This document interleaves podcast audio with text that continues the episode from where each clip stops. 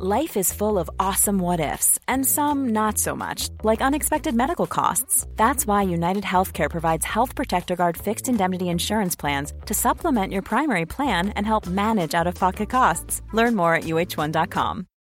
Millions of people have lost weight with personalized plans from Noom, like Evan, who can't stand salads and still lost 50 pounds. Salads, generally, for most people, are the easy button, right? For me, that wasn't an option. I never really was a salad guy. That's just not who I am. But Noom worked for me. Get your personalized plan today at Noom.com.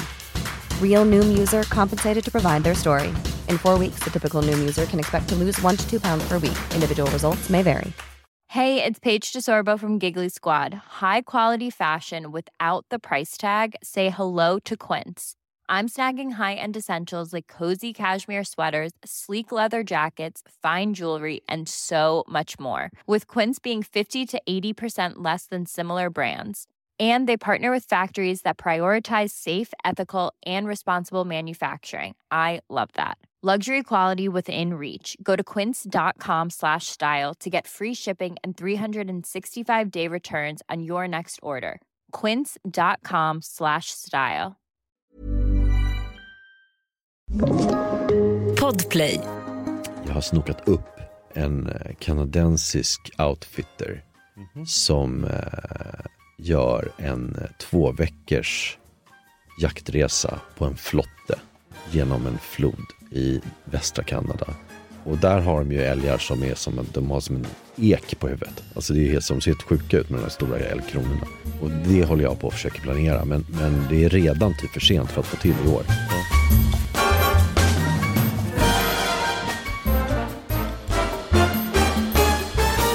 Välkommen till podcasten Jägaren med mig Daniel da Silva. Ja, idag så ska ni få lyssna på en intervju med Jonas Malm, eller Jompen från Jakt i Jakt. Och eh, jag kan säga så här att när, när intervjun var klar så kände jag att ja, men nu känner jag Jonas Malm, eller Jompen, lite bättre än vad jag gjorde innan. Och det hoppas jag ju självklart att ni också ska göra när ni har lyssnat på det här avsnittet. Men innan vi drar igång intervjun så kommer här ett kort inslag med poddens huvudsponsor, Chevalier.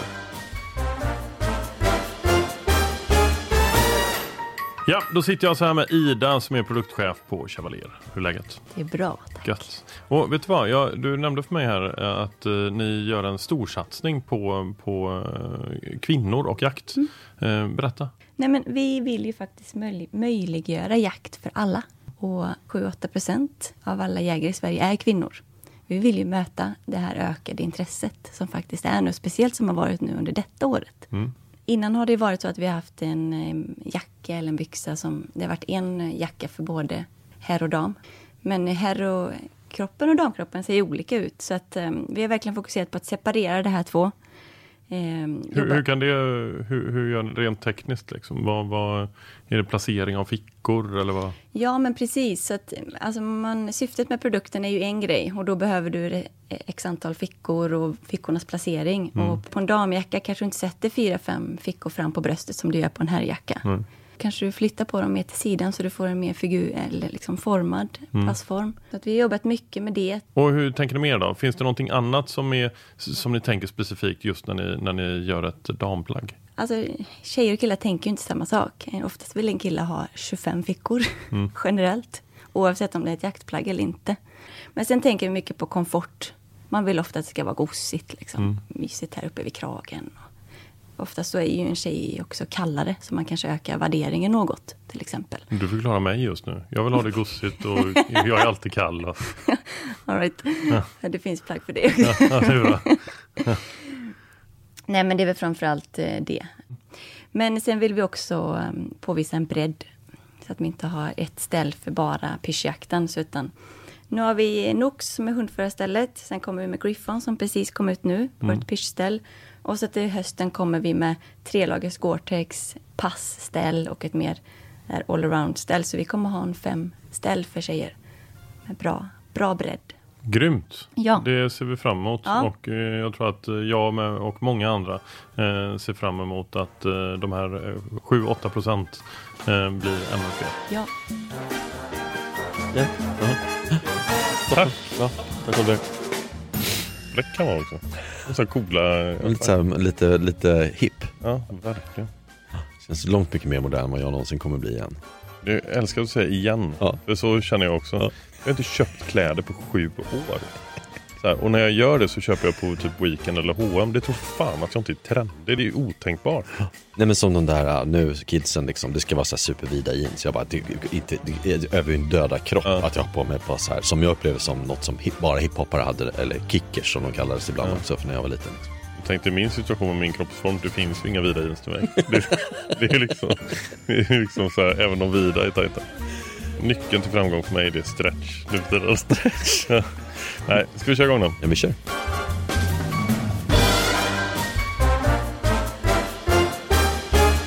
Ja, då sitter jag så här med Jonas Malm, eller Jompen som de flesta nog känner honom som. Många av er har säkert tagit del av Jompens äventyr i jaktkanalen Jakt i jakt, eh, som faktiskt är Skandinaviens största jaktplattform. Och jag tycker att det ska bli superkul eh, att eh, få en lång och härlig pratstund tillsammans med honom. Så jag tycker att vi kör igång. Eh, hej och välkommen hit Jonas. Hej, tack så mycket, kul att vara här. Hur är läget? Ja, men det är bra. Du får, om du vill, du kan välja mellan Jonas eller Jompen. Jonas eller Jompen? Ja, men Jompen är ett namn som har följt med mig. Det var min morsa som myntade när jag var liksom bebis. Typ. Ja. Så att jag har hängt med i alla år. Ja. Och, eh, så att du kan välja själv. Jag, jag tänkte så här, jag, alltså jag har så mycket jag vill prata med dig om. Mm. De, de flesta utav mina gäster så börjar jag att prata om så här bakgrund. Och det finns ju några gäster som har jagat sedan barnsben och några som inte har jagat sedan barnsben. Eh, vad gäller dig så vet ju jag faktiskt om att du inte har gjort det. Eh, för jag själv är en flitig eh, tittare av eh, Jakt i jakt. Så jag såg ju till och med de avsnitten när du själv tog jägarexamen. När, när var det? Jag hade egentligen redan jägarexamen. Ja. Eh, och jag tog faktiskt en sån där snabbkurs. Eh, som, som är så förhatlig bland en del. Eh, och det visste jag också. Ja, det gjorde jag. Ja, det gjorde jag. Va? Ja, precis. Mm. Eh, godsjakt kallar han det för, Mm. för något sånt där. Ja, Han, där tog jag jägarexamen och det gick väldigt fort. Eh, men, ehm, och sen då i, i, i Jakt i jakt-kanalen så hade vi ett samarbete med Jägarförbundet. Och då gjorde vi så här att, men vad fasen, kan vi inte bara låtsas att jag tar jägarexamen här? Eh, men det var ju bara bra. Då fick jag ju läsa böckerna en gång till och plugga, liksom, plugga på igen och skjuta med instruktör och allt sånt där. Så det var ju bara, det var ju bara rena lyxen för min. Mm. Men det här var 2016. Men hade du, när du började, när ni började hela jakt i jakt eh, äventyret sådär, då var ju du fotograf. Eh, Precis. hade du jägarexamen då eller tog du det under tiden? Nej, utan, utan 2015 började vi ju producera Jakt i jakt. Mm.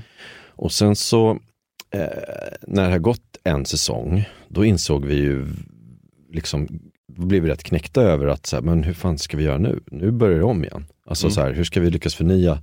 Det har ju varit någonting vi har velat göra hela tiden. Vi vill liksom förnya och, och förbättra oss hela tiden. Vi vill göra bättre, roligare och smartare filmer. Liksom. Mm. Ehm, och då så var det så här, hur fan ska vi förnya det här? Eh, jo, men ska vi inte den där tjommen med skägget som håller på och hånar Lubbe hela tiden, Mm. ska inte han ta jägarexamen? Ja men det är klart vi gör det. Mm. Och så har vi, kan vi ha två parallella spår, liksom. en, en erfaren jägare och en eh, icke erfaren som, som Mm. får lära sig från grunden. Så, eh, så det var ju så det kom till, hela, Mm. hela den idén. Och hur, eh, hur har det funkat då? Du, du, jag menar, eh, efter att du tog jägarexamen, eh, du, du har ju jagat enormt mycket på kort tid. Hur många, hur många jaktdagar har du per år? Över hundra. Vad, vad var det liksom som fick dig att fastna för jakt? Men, så här, jag har ingen eh, i min omedelbara familj eh, någon jaktbakgrund överhuvudtaget. Så va- varken på mor eller fars sida så att säga. Däremot så har jag en kusin som har jagat mycket, som, som jag är väldigt, väldigt nära med. Mm. Och eh, massor med kompisar som både jagar och har egna jaktmarker och så, så Mm. de har ju tjatat på mig jättemycket under Mm. hela min uppväxt att jag också måste ta jägarexamen. Men det har liksom varit en sån där grej som ja, MC-kortet, fallskärmshoppar, liksom licensen, alla de här grejerna som man bara nästa år, nästa år, nästa år, Ja. vet. Ehm, sen har jag ju, eh, vi, vi, alltså det var ju en stor grej när jag var liten, alltså vi snackar sex, sju år. Då åkte vi alltid med eh, på älgjakterna Men då var, gick man ju, både jag och farsan, allihopa gick ju i drevet. Liksom. Ja, okej. då, då var man inte, det var ingen av oss i min familj som var skyttar. Ehm, utan det var ju mer hela företeelsen runt omkring. Mm, Och då var vi hos, eh, hos min kusins familj faktiskt och jagade älg där. Och då var ju det, det var ju stora grejen. Det var ju älgjakten. Det här var mitt i Sörmland. Och de markerna idag, där jagar man vildsvin och dovhjort idag. Då var man ju helt, på de jakterna då, då var man ju helt överlycklig om det låg tre älgar efter, efter två, tre dagars jakt. Ja. Nu skulle det ligga tre vilt efter liksom tre dagars jakt skulle man vara sjukt besviken. I alla fall mitt i Sörmland. Så ehm, eh, Men om man tittar på idag då, när du, när du eller de här sista liksom fem åren som du har jagat väldigt intensivt. Hur, eh, vad är det som gör att du tycker att det är kul? Varför, varför gör du det? Ja, men det, det, är, det är flera grejer. Jag har liksom alltid älskat utomhuslivet. Sådär. Man, man, liksom skidorna, skridskorna, eh, vara ute i naturen och jag tycker det är, liksom, det, det är någonting väldigt speciellt med det. Sen så har jag ju fått en ganska kraftig släng av, av ADHD-sleven. Vilket gör att det kan vara lite svårt ibland att liksom eh, njuta fullt ut av saker. Alltså man, man, man söker hela tiden eh, saker att stimulera sig själv med. Och då, eh, när liksom jakten kom in i mitt liv, då insåg jag ju att liksom, nu kan jag göra det här som jag älskar utomhus och kombinera det med någonting eh, som är sjukt jävla spännande, roligt och intressant. Ja. Men som ett exempel, eh, i skolan på gympalektioner och friluftsdagarna så kunde man ibland ha löpning liksom, på schemat. Usel. Usel jävla joggare och löpare. Jag blev så uttråkad och tyckte det, var, det gjorde ont, jag fick håll och det var fan och det. Men på orienteringen kom jag topp tre i skolan varje gång. Ja, okej. För då kunde jag liksom, då kunde jag tänka på något annat. Då hade jag kartan, jag hade kompassen och liksom, det gick sjukt bra. Eh, så, att, så att jakten har ju liksom blivit ett sätt eh, också för mig att kunna komma ut och samtidigt inte riskera att bli uttråkad. Och den här spänningen du pratar om, eh, förklara den. Vad, hur, hur, hur känns det när du är ute och jagar? Känslan liksom dagen innan eller på morgonen när man står där eh, i bakluckan och, och liksom gör ordning grejerna, sätter in rätt radiokanal, tycker in koden i WeHunt eller vad fan det är man håller på med och babblar och det är liksom, man ser förväntningarna i allas ansikten och även i sig själv. Alltså den känslan är ju nästan obeskrivbart härlig. Sen så går det ju nästan aldrig så bra som man har föreställt sig att det ska göra. Ehm, men, men, Tänk vad många fantastiska jaktsekvenser man har fantiserat om. Ja, Där exakt. som man ligger och inte kan sova dagen innan eller när man står på pass också. Ja. Och man kommer åkande där i mörkret och man ser, dovdjur, man ser dovhjortarnas ögon i, i helljuset. Och, och liksom, ja, eh, men, nej men så, det, det det är det som är spänningen, det byggs ju upp en enorm liksom, förväntan i kroppen. Och man, är liksom, man kan nästan inte sova dagen, dagen innan. Och, och det är såklart mattas ju med tiden, särskilt när man liksom jagar så intensivt som jag gör. Men eh, den där känslan är ju liksom, den är väldigt svår att, att, att slå. Med tanke på att ni filmar mycket eh, så har du testat på en mängd olika jaktformer. Mm. Så det har jag tänkt att vi ska prata ganska mycket om. Eh, och jag skulle gärna också vilja prata om jakt i jakt, vad, hur resan har varit, vad ni har för planer framåt och sådär. Eh, men jag tänkte att vi skulle prata lite om hundjakt. Eh, för eh, folk som har tittat på jakt i jakt vet ju om att du har en eh, Kleine Münsterländer som heter eh, Aska. Eh, är hon två år nu? Är det två år? Eh, be- Berätta lite grann, eh, om man, om man börjar som det är nu. Jag, det skulle jag vilja prata lite grann om resan med henne. Så, för det tror jag många är intresserade av att höra. Eh, Men, men också eh, så här, utifrån ett nu-perspektiv. För då har du en helt ny dimension på jakten kan man säga. När du också då ofta går som hundförare. Hur är det? Ja, men det är lite kluvet.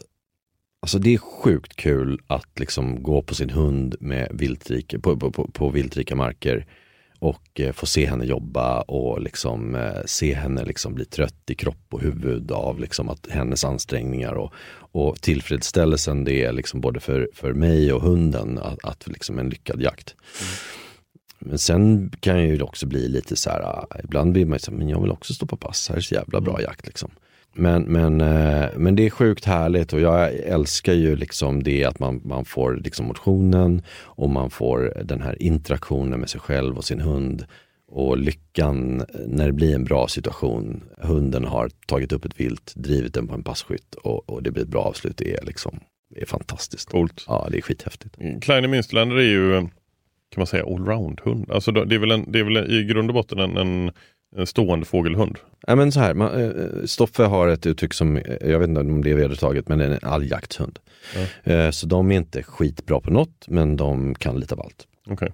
Och beroende liksom lite på hur man uppfostrar och tränar hunden så kan man ju rikta den åt olika håll. Har, hon, har hon skall när hon driver? Ja, Ja. men bara på syn. Okej.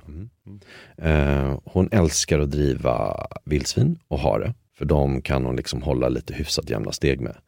Hjort och rådjur och sånt, är, det liksom blir 20 till 40 sekunder långa drev. Ja. Eh, och sen tröttnar hon, för de ser dem inte längre. Okej. Eh, men hon är bra på att hitta dem och bra på att få upp dem på fötterna. Liksom. Eh, eller på klövarna som det heter. Men det gör ju också att det blir ju många, när det är mycket dov och så på marken, då blir det ju aldrig några riktiga avslut för hennes skull, eller i hennes huvud eftersom det kan ju panga en minut senare, men, men det är ju den, det viltet hon har pressat upp så att säga. Ja. Men då har ju hon tröttnat för länge sedan och är tillbaka hos mig. Liksom. Ja, okej. Men det, Eh. det är korta, men på vildsvin och på hare så kan hon hålla på ganska länge då? Ja, men då driver hon lite längre. Hon är ganska försiktig på vildsvin, men hon gillar att, att hänga efter dem för att de är ju inte så jävla, inte fullt så snabba i alla fall som en hjort. Liksom. Det, det låter ju ganska klokt. Alltså det, det är ju lite för, förståndiga hundar som är lite försiktiga. Ja, jo, men jag har, vi har liksom, och då har jag tillsammans med Stoffe eh, fått liksom varit i hägn och testat och liksom verkligen så superpedagogiskt. Han är, sån, han är ju hundviskare deluxe liksom. Så att han vet exakt hur man ska bete sig i varje given situation eh, i samband med fältvilt och alla de här liksom, grejerna som jag som rookie inte har en jävla aning om. Ehm, så att man gör det rätt från början har ju varit viktigt för mig. Jag vill inte ha en hund som helt skogstokig liksom runt ett vilt eller håller på och hugger efter andra jägare, du vet när man Mm. närmar sig viltet. Sånt där. Så det, har varit liksom, det har varit viktigt för mig att göra det på rätt sätt från, från grunden. Där liksom. Hur gick din tankeprocess eh, när du, eh, ja men jag, jag själv och eh, jag tror många som lyssnar kanske går i tankarna på att skaffa en hund. Mm. När du tänkte liksom vilken typ av hund du skulle ha, vilken ras och liknande. Hur, hur gick dina tankar då? Så här, jag hade en hund innan, en amstaff. Det är ju liksom en eh, världens skönaste jycke som liksom älskar att ligga i soffan. Om det var kallare än fem plus och regn, då vi hon kunde sitta hemma i ett dygn. Mm. Alltså utan att gå ut och pinka. Hon bara vände i porten, bara, "Nej, glöm det, jag går inte ut om det regnar. Mm. Ehm, så det var ju liksom inte alls en jakthund, det var ju mycket mer en sällskapshund. Liksom. Men, och sen så när hon gick bort så kände jag att fan, jag är, liksom, jag är, färdig, jag är nog färdig med det här med hund. Men sen så började Stoffe liksom bearbeta mig lite grann i det här med, med hund. Och till slut så, ja, men fan, jag ska nog ha en, jag ska nog fan ha en jakthund. Liksom. Och då var ju tanken så här, att jag, eftersom jag jagar på väldigt mycket olika marker och jag jagar mest liksom runt ja, men i södra Sverige, runt liksom Stockholmsområdet. Det är liksom Västmanland, det är eh, Sörmland, det är Östergötland. Det är inga jättelika marker, det är inga jättesåtar såter och sådär utan, utan det är rätt korta, korta drev och sådär. Eh, då föll liksom valet på Münster. Mm. Mm, just av den anledningen att de är kortstötande och de är en väldigt socialt jagande hund. Alltså den, den söker sig tillbaka till föraren direkt. Mm. Så hon är aldrig ute. Hon söker ut mellan 75 och 200 meter ungefär eh, från mig. I en, som en solfjäder och sticker höger, sen kommer tillbaka, kollar, sticker vänster och så vidare. Fram och tillbaka, fram och tillbaka. Och så liksom trycker man igenom så här marken. Eh, och får hon upp något så drar hon efter. Beroende då på vad det är för vilt som var inne på innan så kan hon sticka olika länge. Men Har hon stående funktion på fågel? Mm. Hon står på fågel och Ja. det sitter naturligt. Liksom. Ja. Det, jag, har varit ute, jag bor ju på Gärdet i Stockholm och där är skitmycket kråkor. Ja. Eh, hon står på fågel varje dag. Står bara blickstill och stirrar på dem. Liksom. Och det har jag aldrig. Och det gjorde hon som valp liksom, utan att man tränat ett skit med. Så det fanns ju där. Ja, Liksom. vad coolt. Ja, det är skithäftigt. Och, och om hon stöter upp en fasan, Ja. ställer hon sig då eller jagar hon, fortsätter? Alltså vi har ju inte, nej, hon, hon, ja, vi har lite träning kvar. Ja, okej. nej, men, hon, hon, hon kan stå på dem och kan liksom på kommando stöta. Men det, där slutar liksom. Hon, hon vill springa efter. Ja, okej. Så att hon inte sådär, uh, och står inte kvar på skott och sådär Nej. lite grann. Så det, vi har lite träning kvar att göra. och skulle man ha velat liksom ha en mer utpräglad fågelhund, då skulle jag inte ha jag, kunna jaga klövvilt med henne förrän hon var färdigtränad i stort sett med, med, med fågelträningen. Och det har jag ju sett också när vi har varit och tränat på, eh, på rapphöns och sådär. Man har stått där och så står hon och stirrar på en rapphöna eller liksom står in i någon vassrugg eller någonting och glor. Och så helt plötsligt så kommer ett rådjur springande. Då är det bara, okej. hej då. Men, men, men jag jagar ju mycket mer klövviltsjakt än fågeljakt. Och eh, egentligen den enda anledningen till att jag liksom skulle vilja ha en, en hund som gör både och. Det är att jag är så sjukt sugen på att kunna jaga ripa med min hund. Ja. Och jag har aldrig gjort den där barmarksjakten eh, för hund liksom på ripa. Eh, men, men alla som har gjort det säger att det är helt eh, grymt. Liksom. Ja, det, det, är en, eh, det är en jaktform som jag har kvar också. Ja. Eh, Men det kommer jag göra nästa höst. Det, det är ett måste. Mm. Jag, har, alltså jag har gjort den jaktformen på snö, när det varit hårt packad snö. Okej. Inte maska men med andra hundar. Ja. Och, och det var skithäftigt. Men Ja. just man vill ju liksom uppleva fjällen i höstskruden, de här liksom höstfärgerna och man går där och liksom, det är bara det. det är en härlig upplevelse, tror jag. Alltså det finns så mycket fantastiska jaktformer. Det är inte klokt. Men berätta om de här två åren.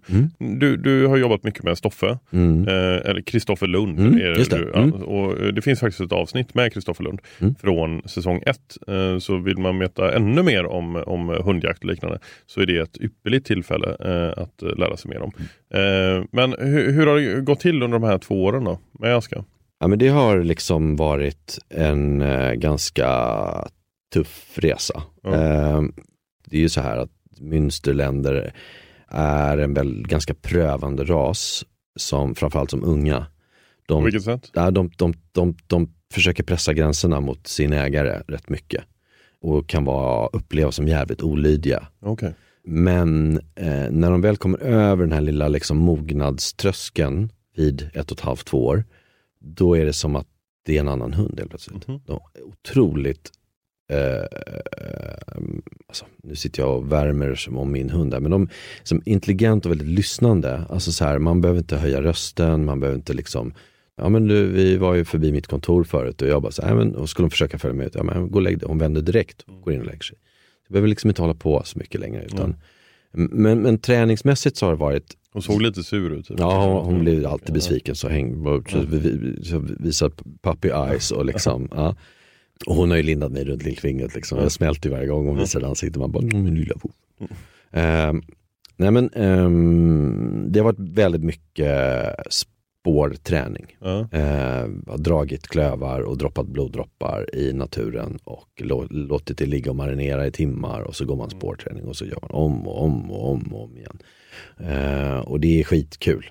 Det är verkligen, det är lite jobbigt för det kräver en del förberedelser, det är lite meck och fippel och man måste be om markägarens tillåtelse och så vidare. Så, så att man kan inte- liksom inte bara göra det var som helst. Men det har varit under Stoffes överinseende i stort sett, alltså i alla fall initialt, för jag har inte riktigt vetat vad jag har hållit på med.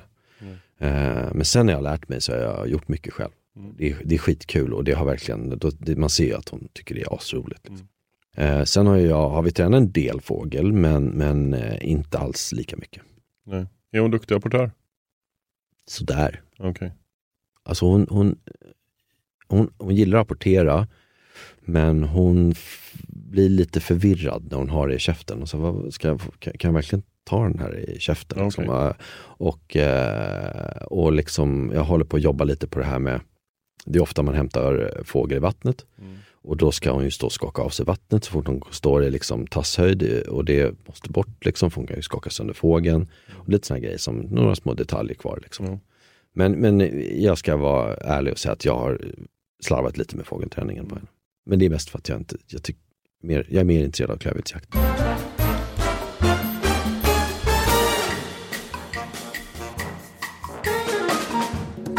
Om vi tittar lite grann på jaktformer tänkte jag. Eh, det finns ju Ja men det finns ju precis hur mycket som helst. Du har ju med hjälp av då ditt, ditt jobb inom jakt eh, testat på väldigt mycket olika typer av jaktformer. Vad, vad skulle du vilja säga är liksom topp tre jaktformer för dig? Alltså jag gillar ju när man får slita lite för mödan, liksom. Mm. eller ganska mycket. Sådär blod, svett och tårar är en, en klyscha men, men det är faktiskt liksom, det ligger någonting i det tycker jag. Det är det som verkligen skapar minnen och det är det som gör att man faktiskt känner, liksom, känner det i kroppen och man kan liksom komma tillbaka till det i huvudet och sådär. Mm. Så att, så att liksom ripjakten och, och smygjakten är ju liksom det som är härligast. Mm. Om du säger ripjakt då menar du alltså vinter på, ja, skidor? vinter på skidor på, i, på fjället. Ja. Och liksom det, det är fan det helt oslagbart. Ja. Och det har ju hänt att man kommer hem utan ripa men de har i alla fall haft en skithärlig dag på fjället. Liksom. Sen har vi det här med den mer klassiska pyrsch eller smygjakten som jag tycker är jävligt kul för att det sätter ju liksom ens kunnande och allt det där man har lärt sig på sin spets. Mm. Eh, läsa av naturen, topografin, vinden, försöka överlista viltet. Eh, eh, och inte minst skyttet, mm. för det kan ju bli ganska långa håll. Och ha liksom sinnesnärvaro nog att, att kunna liksom lugna ner andningen trots att man kanske har gjort en ganska intensiv ansmygning. och, och puls och liksom allt det här. Jag tränar en hel del på långhållsskytte men det är en sak på bana och en helt annan grej liksom, i, på riktigt. När du säger smygjakt då, eller pyrschjakt, vad, vad, eh, vad pyrschar du helst? Dov. Dov? Mm. Alltså kron är för svårt. men det är som... Men rå då?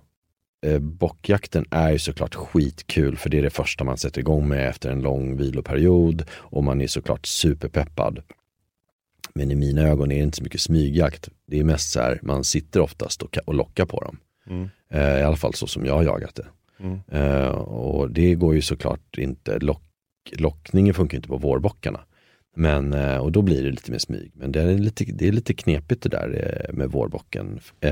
Om man jagar någon gång i mitten av maj, ja då är det ju som det är i naturen. Men i mitten av juni, då är det ju en och en halv meter högt gräs. Mm. Alltså det är ju, man har ju tur om man ser hornen sticka upp ibland. Mm. Det är ju jävligt svårt. Mm. Um, så där får man ju vara snabb då tidig och sådär och det går inte att locka på dem. Så, så det är mer en smygjakt. Men, men jag tycker det, själva dovjakten är, är, mm. är, jävligt kul för det är liksom en, för mig i alla fall, lagom svårighetsgrad. Och, och, sen ska man inte sticka under stol med att, att, att, va, gå på en jävligt bra drevjakt är sjukt jävla kul. Ja. Alltså kul kanske är fel ord, men, men du förstår vad jag menar. Ja, jag fattar. Alltså ehm, tillfredsställelsen med liksom att, att kunna dra de där skotten skjuten, de här split second decisions på vilket vilt man skjuter på. Det, det är verkligen, det ställer eh, en, en, en, annan typ av krav på mm. en, liksom, med att man måste liksom tokleverera mm. sjukt snabbt. Det är också jävligt kul faktiskt. Mm. Men, men det är ju det är inte de man minns riktigt, tycker jag. Man så. kan ju inte påverka så mycket. Det, li, det blir lite lotteri. Exakt. Och jag, jag, kan, uh, alltså några utav mina liksom, bästa upplevelser har ju varit en riktigt, riktigt bra drevjakt. Mm. Det är ju skithäftigt. Mm. Spänningen och det knakar till och det är hundar överallt och sådär. Men några av de absolut tråkigaste jaktupplevelserna har ju också varit en drevjakt. När man, no liksom bara, man sitter helt själv någonstans och det händer ingenting Nej. överhuvudtaget. Mm. Uh, och så kan man inte göra någonting åt det. Uh, pyrschjakt som går dåligt, ja men då har man ju bara sig själv att skylla någonstans. Jo men det är, det är få saker som är så frustrerande att sitta på en drevjakt när man bara sitter och kollar i appen eller lyssnar på radion och de är liksom på den diametralt motsatta änden av marken mm. och man bara Oh my god vad tråkigt det är. Mm. Ja, man sitter och kollar på en jävla ekorre som skalar en, en, en, en kotte liksom. Mm. Nej, det, det, är, det, kan vara, det kan vara frustrerande som fan. Men vakjakt man sitter, det är skymning, du väntar på att någonting kanske ska komma ut. Kan du tycka det? Jo men, jo, men det, det, det kan jag tycka är härligt, men det gör jag ju bara själv. Det är ja. någonting man gör själv. Liksom. Ja. Det, det är rätt uh, trist sådär, uh, det är svårt att få det att bli spännande på film. Ja. Uh, och man sitter mest bara och blänger. Ja. Uh, men visst, det är klart det är härligt och särskilt jag har en liten, en liten pyschmark i Sörmland liksom, som jag arrenderar. Och där sitter jag ju då ibland på kvällarna liksom och blänger eh, såklart. Jag kan tycka att det är väldigt meditativt. Ja men det är det. Eh, och att man verkligen tillåter sig att inte plocka upp telefonen och sånt där utan bara så här, sitta och bara mm. vara med. Mm. Och så tycker jag det, det som är coolt tycker jag är att det blir, eh, alltså ju längre tid det går så liksom börjar man så här, nu är det bara 20 minuter skjutljus kvar. Då börjar Mm. man få lite panik. Mm. Men då vet man att nu är det som hetast. Det blir Mm, liksom mm. så här hetare och hetare ju längre det går. Och sen så, där är det över. Och det är ju det är så jävla tråkigt. Men gubben i en har ju liksom det där med skjutljuset. Mm. Fy, sista fem, sju åren så har det ju hänt någonting mycket med synen. Ja. Som gör att man, man, man, man ser inget bra på, nät, på kvällarna. Liksom. Jag vet hur jag jagar räv, eh, någon sån månskensjakt liksom, med en, en polare där nere i, i Mariefred. Och vi sitter där och glor liksom ut över snön. Han bara, ja nu kommer en räv. Jag bara, va? Ja, där är den, ser du den inte? Jag bara, nej, jag, jag såg inte det. Nej. Han är 25. Ja, okej. Ja, men liksom, så han har ju fortfarande ungdomliga ögon. Liksom. Han bara, vadå, skojar du med? Ser du inte räven? Jag bara, nej inte en chans. Nej, jag går hem. Jag kan inte skjuta något i det här huset. Liksom. Där, där tycker jag det är rätt coolt med bra optik. Mm. Vilken skillnad det gör. När det verkligen är, jag menar det är lite skjutljus kvar Mm. och i kikarsiktet så är det väldigt mycket ljusare än vad det är för blotta ögat. Ja, Det är häftigt. coolt. Ja.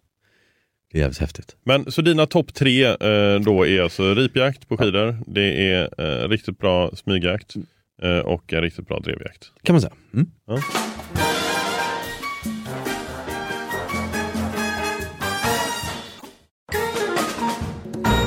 Du är ju fotograf i grunden, Mm. eller hur? Eh, och det var lite så du kom in på, på jakt. Hur började det? Va- varför började du filma jakt? Ja, men jag jobbade som um, frilansande film och tv-fotograf. Och eh, i början av 2015 så kom, satt jag och drack en öl med min gamla kompis Gustav och han var så här, du Jompen, eh, vi ska starta ett bolag som gör YouTube-content. Jag bara, ja, nej, det ska vi inte. jag, jag har det skitbra där jag är liksom. Eh, nej, det får fråga någon annan tyckte jag. Och så gick det några dagar och så hade jag legat och marinerat på det där så bara ringde jag honom igen och bara, du fan vi kör. Mm. Så vi drog igång ett bolag och eh, alla som var eh, det, med i det här företaget jagade, utom jag. Mm. Och de sa, vi ska göra jaktfilm. Ja, visst, det är klart vi ska. Så jag satte mig och kollade på jaktfilm, vilket jag aldrig har gjort i hela mitt Mm. liv. Och det var så jävla tråkigt. Alltså jag, jag var så här, fy fan vad tråkigt det här är. De kan inte filma, de kan inte klippa, de kan inte berätta en historia.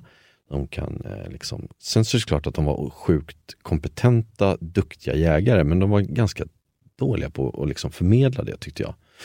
Så jag var så här, nej men fan det här vill inte jag göra om vi inte gör det, liksom, det måste vara kul. Vi, vi måste liksom få det att framgå att liksom man åker ut med sina polare, man har jävligt roligt och vi, man ska kunna liksom bjuda på sig själv. Mm. Och i samma veva så började vi leta efter någon som kunde vara framför kameran. Och då dök Lubbes namn upp. Jag kände inte Lubbe innan. Mm. Men de andra hade liksom, kände honom mer eller mindre liksom allihopa på något sätt. För de, alla har jagat mycket och Mm. träffat honom på jakter och sådär.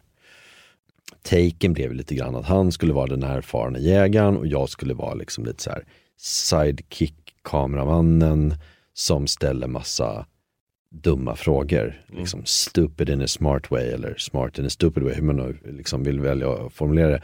Och att det skulle vara liksom lite sådär, man, man ställer frågor som upplevs som helt sjukt korkade men, men som faktiskt har någonting i, bakgrund, i grunden. Liksom. Eh, så vi satte igång och göra det och det blev liksom, vi hade så jävla roligt, vi bara garvade hela tiden och liksom höll på att filma och härja och, och, och åkte på alla de här jakterna. Det blev ju succé. Jag är imponerad över hur man kan eh, skapa så. Jag vet själv hur svårt det är att filma jakt. Eh, man styr inte över förutsättningarna överhuvudtaget. Men ändå så lyckas ni att så ofta släppa eh, intressant content. Eh, den här resan eh, under de här åren, tycker du själv att ni har utvecklat er produkt mycket? Alltså när vi började var det ingen som gjorde jaktfilm på det sättet vi gjorde. Nej. Eh, Nu är det ganska många som gör, har en liknande approach på Ja. liksom sina filmer. Eh, Jag tycker att det har utvecklats ganska mycket. Och vi har ju satt liksom en, någon sorts liksom lägsta nivå. Här slutar den. Liksom. Alltså vi, vi, vi kan inte hålla på och släppa vad skit som helst. Och, och med det säger jag produktionstekniskt. Sen så är det klart att man åker på dåliga jakter, ibland skjuts det ingenting. Ja. Då är det som det är liksom. Och det, det, är, ju, det är ju vardagen. Alltså de flesta människor som jagar skjuter ingenting de jagar. Nej, Nej verkligen inte. Eh, och, och, det är klart att man kan släppa filmer där det inte skjuts, men gör man det för ofta så tröttnar folk. Liksom, och vill inte se, något, se det längre. Vilket har gjort att vi har fått lägga, för varje år som går, lägger vi mer och mer resurser på att spela in. Det tar fler dagar per film att, att spela in det. Mm. Eh, sen har vi ju liksom, vi anst- från början var han praktikant men sen gick ganska fort innan vi anställde honom. Det är ju Kalle, våran kameraman, Mm. eh, som är ett jävla geni. Mm. Han är grym, liksom. Han jobbar så jävla hårt och han, han har aldrig, ta mig fan gnällt. Mm. Alltså inte en enda gång har jag hört honom bitcha över att det är kallt eller långa dagar eller liksom eh, vad det nu är. Utan han, bara, han är sån jävla trooper. Och duktig som fan. Han är väldigt duktig fotograf. Ja han är duktig och, Alltså, det och klipp, blir vackert, vackert material. ja, men som fan. Han, han, är, han är så jävla bra. Eh, så han har ju varit ett jättelyft för oss såklart. Ja. Och med, men med det sagt så är det ju alltid en, det är en nu får ju han liksom latcha fritt. Han kör sin egen grej men det är ju alltid en, en, en gemensam effort liksom ändå. Ehm, Är han sugen på att börja jaga själv? nej han vill inte jaga. Nej. han, han jagar med kameran säger han. Okej. Mm. Ja. Han är däremot en väldigt eh, aktiv fiskare. Mm. Nej, men så att jag, jag anser att vi har utvecklat det där ganska långt och mycket och det kommer ju vi fortsätta göra. Mm. Men vår målsättning med våra filmer är att liksom, bara för att de går på Youtube så ska det inte vara så att vi film, att det ska vara liksom en GoPro och, och man knappt hör vad man säger utan vår, det ska vara en, ett produktions, eh, en produktionskvalitet som lika gärna skulle kunna gå på vilken tv-kanal eller Netflix eller vad det är som helst. Mm. Ni, har, ni släpper ju då avsnitt på, ni har gjort på, på My Outdoor TV. Mm. Kommer ni fortsätta göra det? Mm. Ja, kul. Det gör vi i år också. Ja. Mm. Så, ehm, Vad, vad har, ni, har ni en, är det en annan typ av filmer ni släpper där? Eller hur, hur ja men det tanken? är lite annorlunda. De, är liksom, de vill ha lite mer bang for the buck och de är inte så intresserade av det här lullet runt omkring, att man kanske liksom styckar eller håller på och fjantar sig innan filmen eller, du vet, eller innan jakten, utan de vill liksom, det är jakt. Ja. Och de vill se klövvilt. Liksom. Mm. Så att för, förra säsongen hade vi en, en jättefin ripjaktsfilm. Jag och Filip uppe i Åre där och, och härja, bodde i en stuga uppe på fjället och sådär. De bara, mm, not so much. Vi vill nog se liksom skandinavisk jakt och det ska vara klövvilt. Och om man tittar framåt då, eh, då, då har ni liksom Outdoor TV, ni har Youtube, ni har ju Community. Mm. Hur funkar det för den? Du menar liksom hemsidan, Ja. jaktjaktegrejen? Jo, det går lite trögt. Mm. Men, men så här, vi, vi, vi drog igång det för att vi har väl sett lite så här att okej, vi ska göra, vi gör un, jakt, underhållningsfilmer. Liksom. Mm. Men vi vill också ha filmer om liksom, hur man gör, alltså så här, rent utbildande filmer. Mm. Men det är, ingen, det är inte så många som vill se det på Youtube. Liksom. Eh, och då har vi tänkt att ja, men då kanske vi gör så här, att vi har liksom vår infotainment, alltså så här, underhållande filmerna, jaktfilmerna, de har vi på Youtube som vanligt, Mm. eller på Mario TV eller vad det nu är. Eh, och vi ehm, har eh, liksom det som är mer utbildande på webben. Mm. Men då har vi satt det liksom bakom en betalvägg. Mm. Så nu liksom i början här, vi, ju- vi har inte hållit på så länge med den här sidan, så kan det ju upplevas som att innehållet är kanske lite magert. Men vi kämpar som fan med att fylla på med kurser och eh, recept och matlagning. Och så har vi ju då eh, lite, deal, lite så bra deal och lite som man kan få eh, och, och, och roliga tävlingar där man kan vinna jävligt feta priser då. då. Det är rätt intressant utveckling som har skett. Alltså, Youtube har inte funnits så jävla många år egentligen. Men att man, eh, och jag säger man, för jag är lite likadan, har börjat ta för givet att man får tillgång till content utan kostnad. Mm. Eh, det är helt sjukt. Mm. Eh, Alltså, det, det fanns ju inte förr. Utan, ja men det var ju tv, men då betalar man någon tv-licens. Liksom. Och det är ganska få som har massa kanaler utan att betala för det. Mm. Men på Youtube finns ju så mycket idag. Eh, och ändå så är det många som, som klagar på att det är mycket reklam eller att man måste in och betala någonting och sådär. Men det känns som att ni har hittat en väldigt fin balans på det. Och ni, ni, ni har ju inte dragit ner på Youtube-avsnitten heller väl?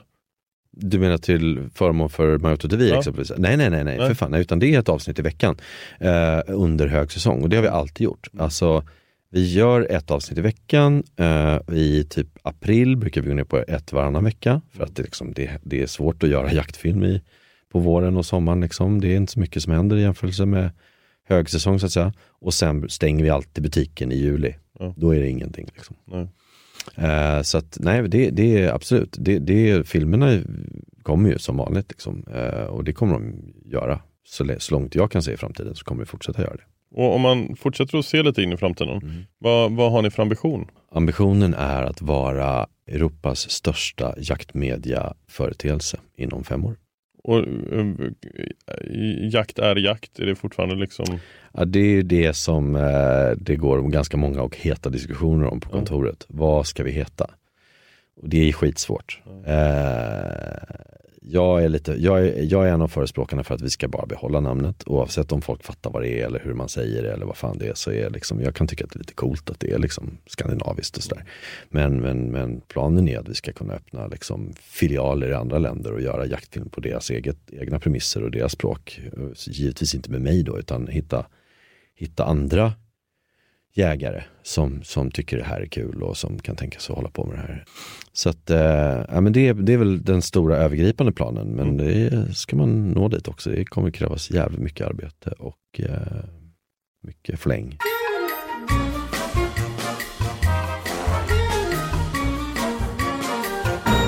Hur, hur mycket jagar du idag utan kamera?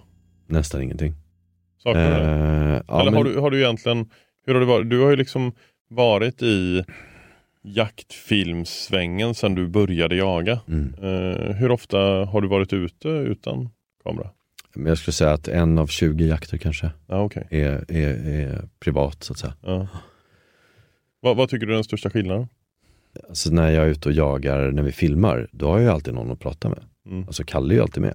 Så att blir det tråkigt då kan man ju sitta och babbla eller liksom sitta så, du vet. Så här.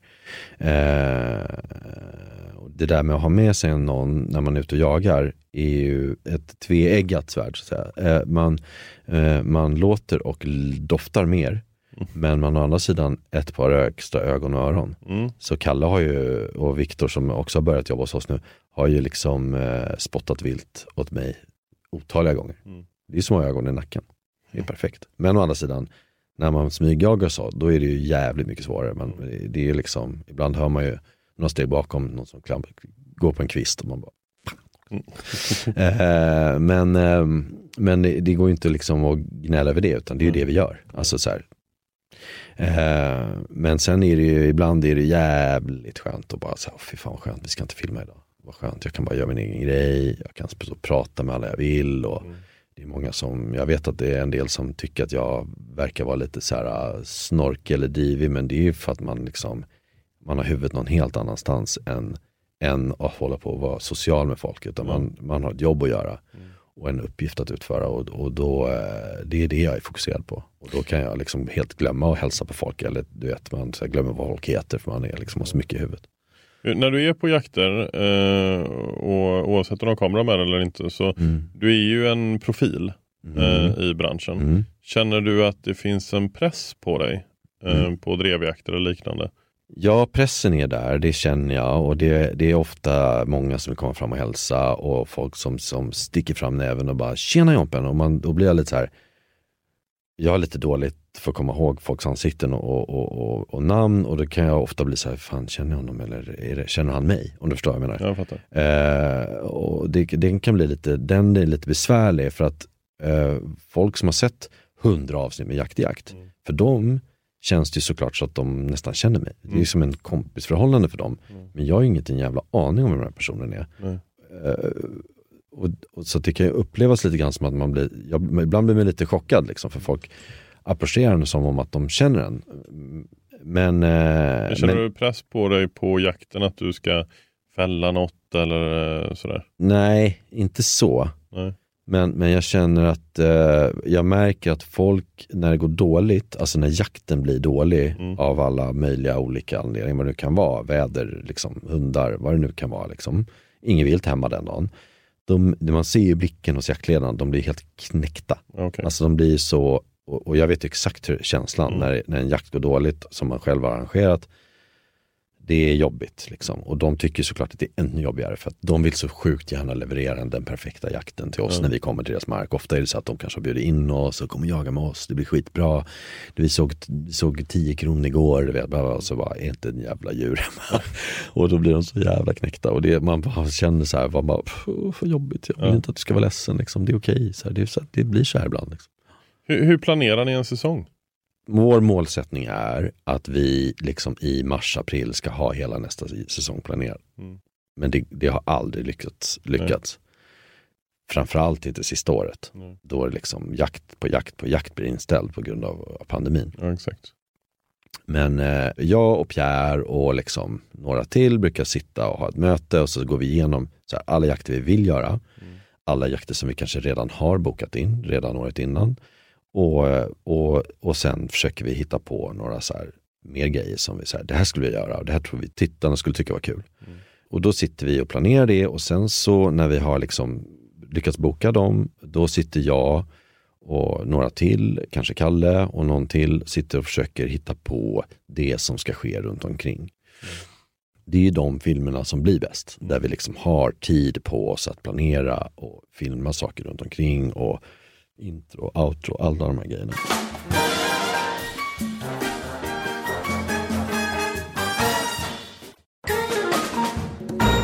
Hur eh, tycker du att det är att vara offentlig person eh, inom jaktsfärerna? Eh, men både och. Alltså det är klart att det är ju sjukt lyxigt att bli bjuden på alla de här fantastiska jävla jakterna vi åker Mm. på. Och det är ju det är liksom framsidan av myntet. Baksidan är ju liksom att, eh, att folk sitter och granskar varenda jävla filmruta och stavelse man, man publicerar. Ja. Ehm, Får du mycket kritik för att du säger fel? På... ja, eller nej. Men, nej, jag får inte mycket kritik, men det är vissa Ja, okej. som alltid är Ja. där och skrapar. Liksom, och petar, petar så i sidan med, med ett hårt pekfinger. Liksom. Mm. Um, och det, det, jag blir jävligt frustrerad av det för att jag har aldrig någonsin hävdat att jag är expert på att jaga. Jag har aldrig någonsin hävdat att det vi gör är en dokumentärfilm om en dag i skogen eller ett liv som jägare. Utan vi gör underhållning med jakttema. Sen så självklart ska ju folk kunna säga och tycka saker. Men jag blir jävligt irriterad och ledsen på de här liksom påhoppen som ofta är. Det blir väldigt personligt när folk säger en del saker. Och det är mer i sociala medier än i riktiga livet kan jag tänka mig. Men det händer ju inte i riktiga livet. Det är aldrig någon som går upp till en och säger sånt. Nej. Alltså det händer ju inte. Nej. Av den enkla anledningen att det inte händer i verkliga livet. Det är så. Alltså, eh, alltså den där typen av så misstag som kan uppfattas eh, i en film. Mm. Det, är ju, det är ju för att liksom filmen råkar se ju så ut. Det är ju inte för att jag går ju inte omkring med en laddad bössa på samlingen. Det, är- det, är ju dum, alltså, det gör man ju inte. Eh, men ibland kan det framstå som att man gör det för att filmen är klippt eller hopsatt på ett visst sätt. Och när man sitter och tittar på filmen, när man var där, Så ser man inte det. För att, nej, nej, det man, ser inte det liksom. Nej. Men, Det är likadant med vinklar och sånt kan ju också vara väldigt annorlunda. Exakt. För att, eh, Ja. Om man inte var där själv då. ja, men om, om kameramannen står tre meter till höger kan det framstå som att skottet var helt vansinnigt. Mm.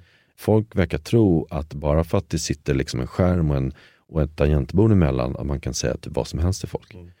Vissa av de här grejerna som folk säger till en, hade någon gått fram till mig och sagt så till mig på stan, då hade jag ju lackat ur fullständigt. Mm. Så där beter man sig inte mot folk. Nej. Hur tror du man kan få bukt på detta då? Hur, hur kan vi liksom förändra klimatet? Det är en liten, liten, liten grupp människor som sitter och anser sig ha rätten att, att säga sådär till folk. Och, och, och ofta anser jag att det är ganska svårt för mig själv att bemöta det eftersom hade jag som privatperson och inte varit liksom offentlig på det sättet, då hade jag betett mig på ett ganska annorlunda sätt mot dem än vad jag är tvungen att göra. Men jag tycker att det är liksom allas ansvar. Alltså alla som läser den kommentaren borde säga till. Mm. Så, så här gör man inte. Så här kan man inte bete sig. Ehm, det är liksom, ja, men det är, det är ju i många fall mobbing. Och särskilt från en del personer som verkar liksom rikta in sig på att leta efter fel. Jag har märkt att i vissa av de här fallen så är det ju så att, att man anstränger sig för att missförstå. Och, och då blir man så här, ja. Så att jag tycker att det är faktiskt det är så här, det är gemene mans eh, ansvar egentligen att, sätta dit de där personerna. Och, i alla fall liksom säga så här, hörru du, så gör man inte. Om vi eh, tittar lite framåt Ja. eh, och drömmer lite grann. Ja. Eh, vad har du för drömmar framåt? Vad, vad ser du framför dig? Ser, ser du fram emot något speciellt? Sådär? Rent jaktmässigt så har jag en grej som jag och Kalle Drejer har blivit bjudna på i höst. Ja. Eh, och eh, det är, eh, vi ska en vecka till Skottland och jaga kronhjort och fiska och vi ska bo på en sån hunting lodge i norra Skottland. Gud, Där liksom enligt uppgift så så här, mobiltäckningen försvinner en halvtimme innan liksom, när man kommer dit. Eh, man är helt isolerad och man bor i någon så här stenjaktlodge på någon hed i norra Skottland och floden rinner precis där nedanför. Så står man där och liksom fiskar, fiskar lax och öring och så jagar man kronhjort. Eh, ja, det, det, och det har ju verkligen varit så här jaktbucketlist för mig. Ja. Jag vet ju att liksom, eh, det är inte några så här f- fantastiska troféer man skjuter i Skottland, men, men det är jakten i sig som är det häftiga där. Liksom. Det ser jag enormt fram emot. Och ehm, sen håller jag på att försöka planera en grej som eh, tyvärr tror jag inte kommer få till det i år heller.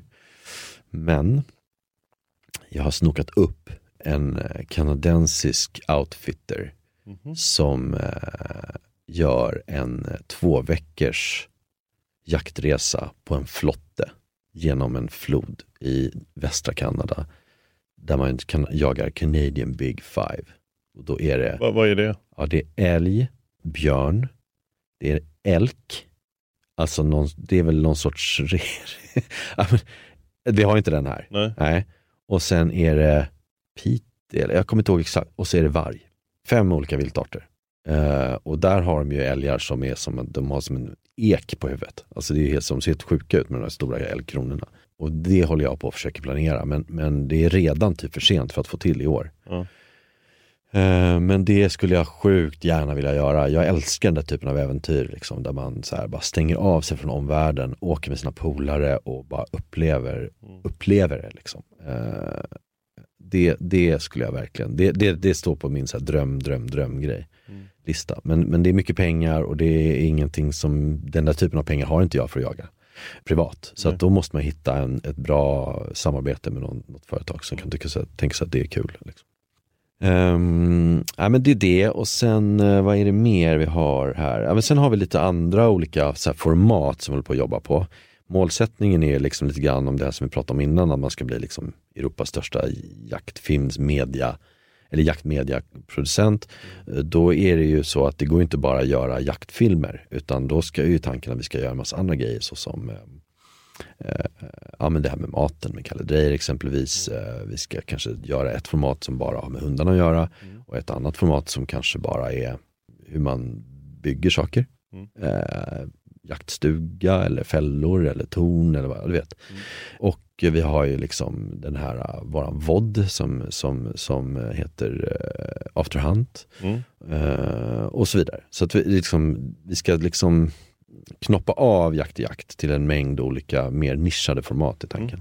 Eh, så där har vi massa roliga idéer och grejer som vi göra. Ja, men det är ett ganska digert arbete och där så kräver det ju mycket förarbete och mycket sälj. För att vi måste liksom, vi har ett krav på oss från ägarna, vilka jag är en av dem då. Men nu är vi ganska många ägare och eh, det, ska ju vara resultat också. Som vilket bolag som helst. Som vilket bolag som helst. Prylar är alltid kul att prata om. Det. Eh, och eh, jag, jag tänkte vi ska prata lite om vad du har i ditt vapenskåp. Eh, men andra jaktprylar också. Eh, vad, vad, vilka, vilka prylar skulle du inte kunna klara dig utan? Nu vill jag säga något smart. Eh, jag blir alltid hånad av alla mina jaktpolare för jag har alltid med mig för mycket grejer. Ja. Och igår var vi och jagade.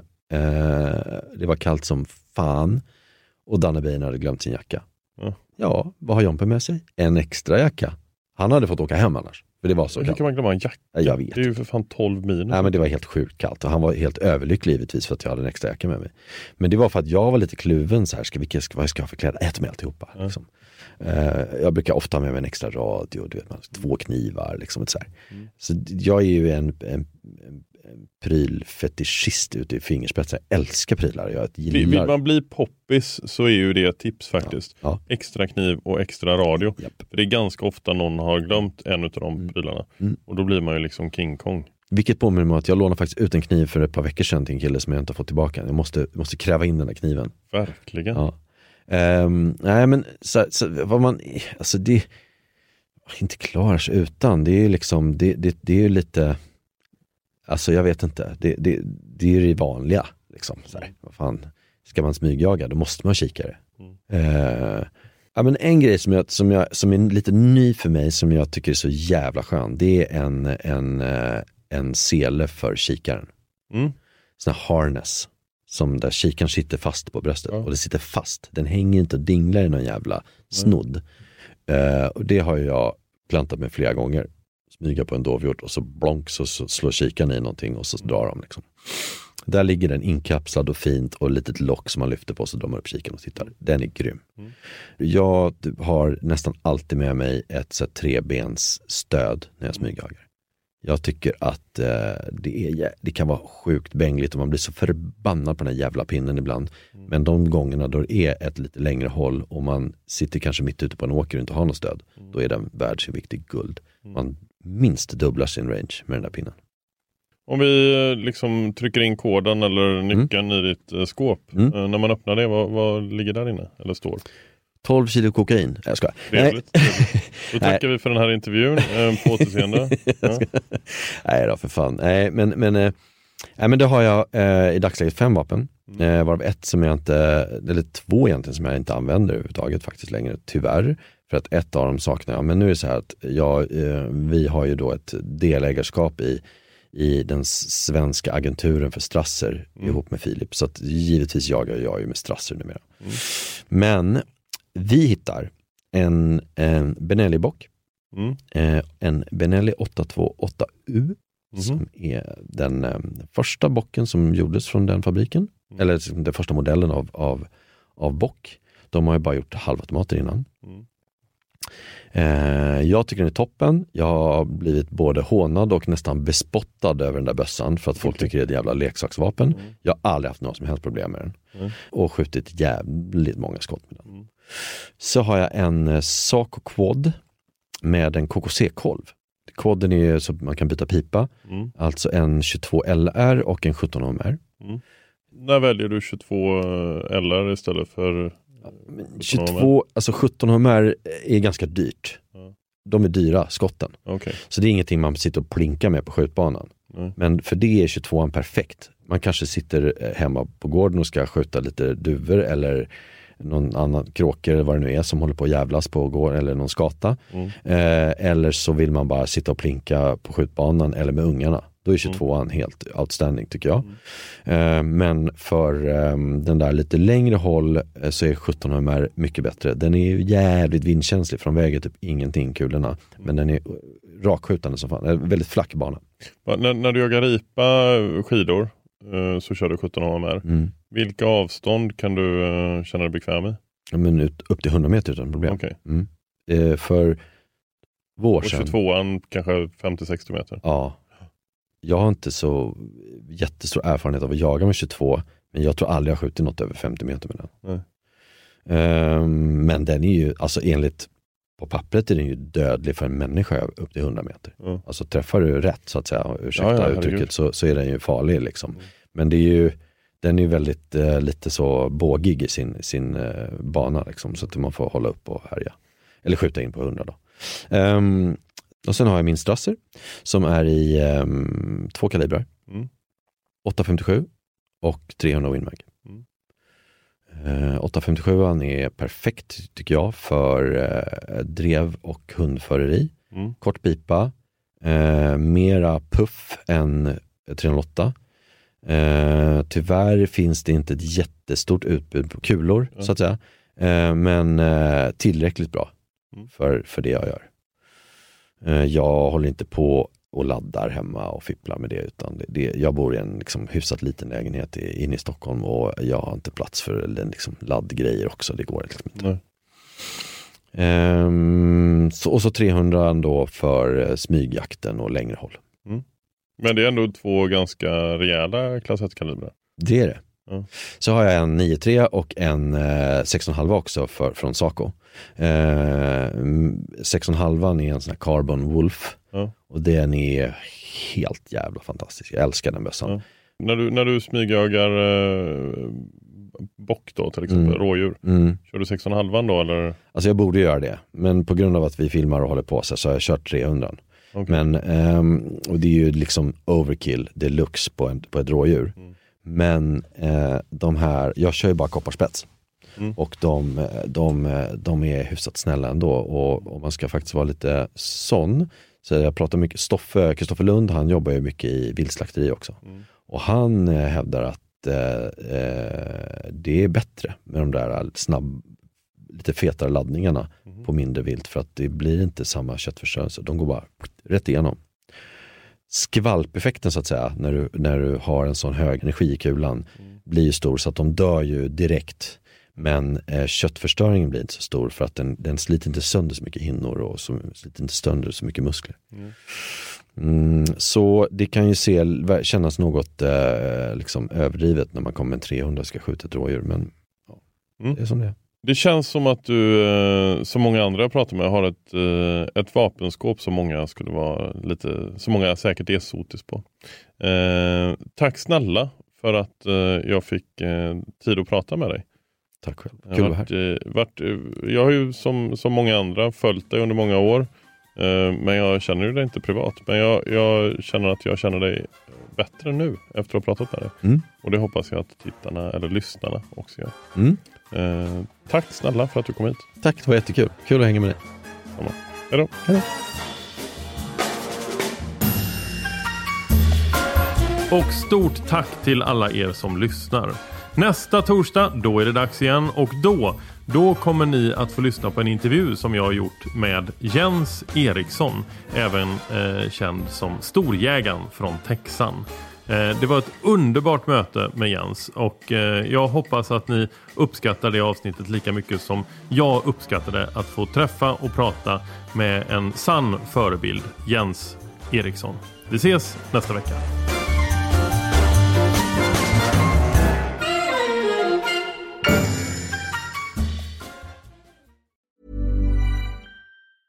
Planning for your next trip? Elevate your travel style with Quince. Quince has all the jet setting essentials you'll want for your next getaway, like European linen, premium luggage options, buttery soft Italian leather bags, and so much more. And is all priced at 50 to 80% less than similar brands.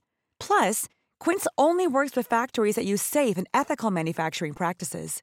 Pack your bags with high-quality essentials you'll be wearing for vacations to come with Quince. Go to quince.com/pack for free shipping and 365-day returns.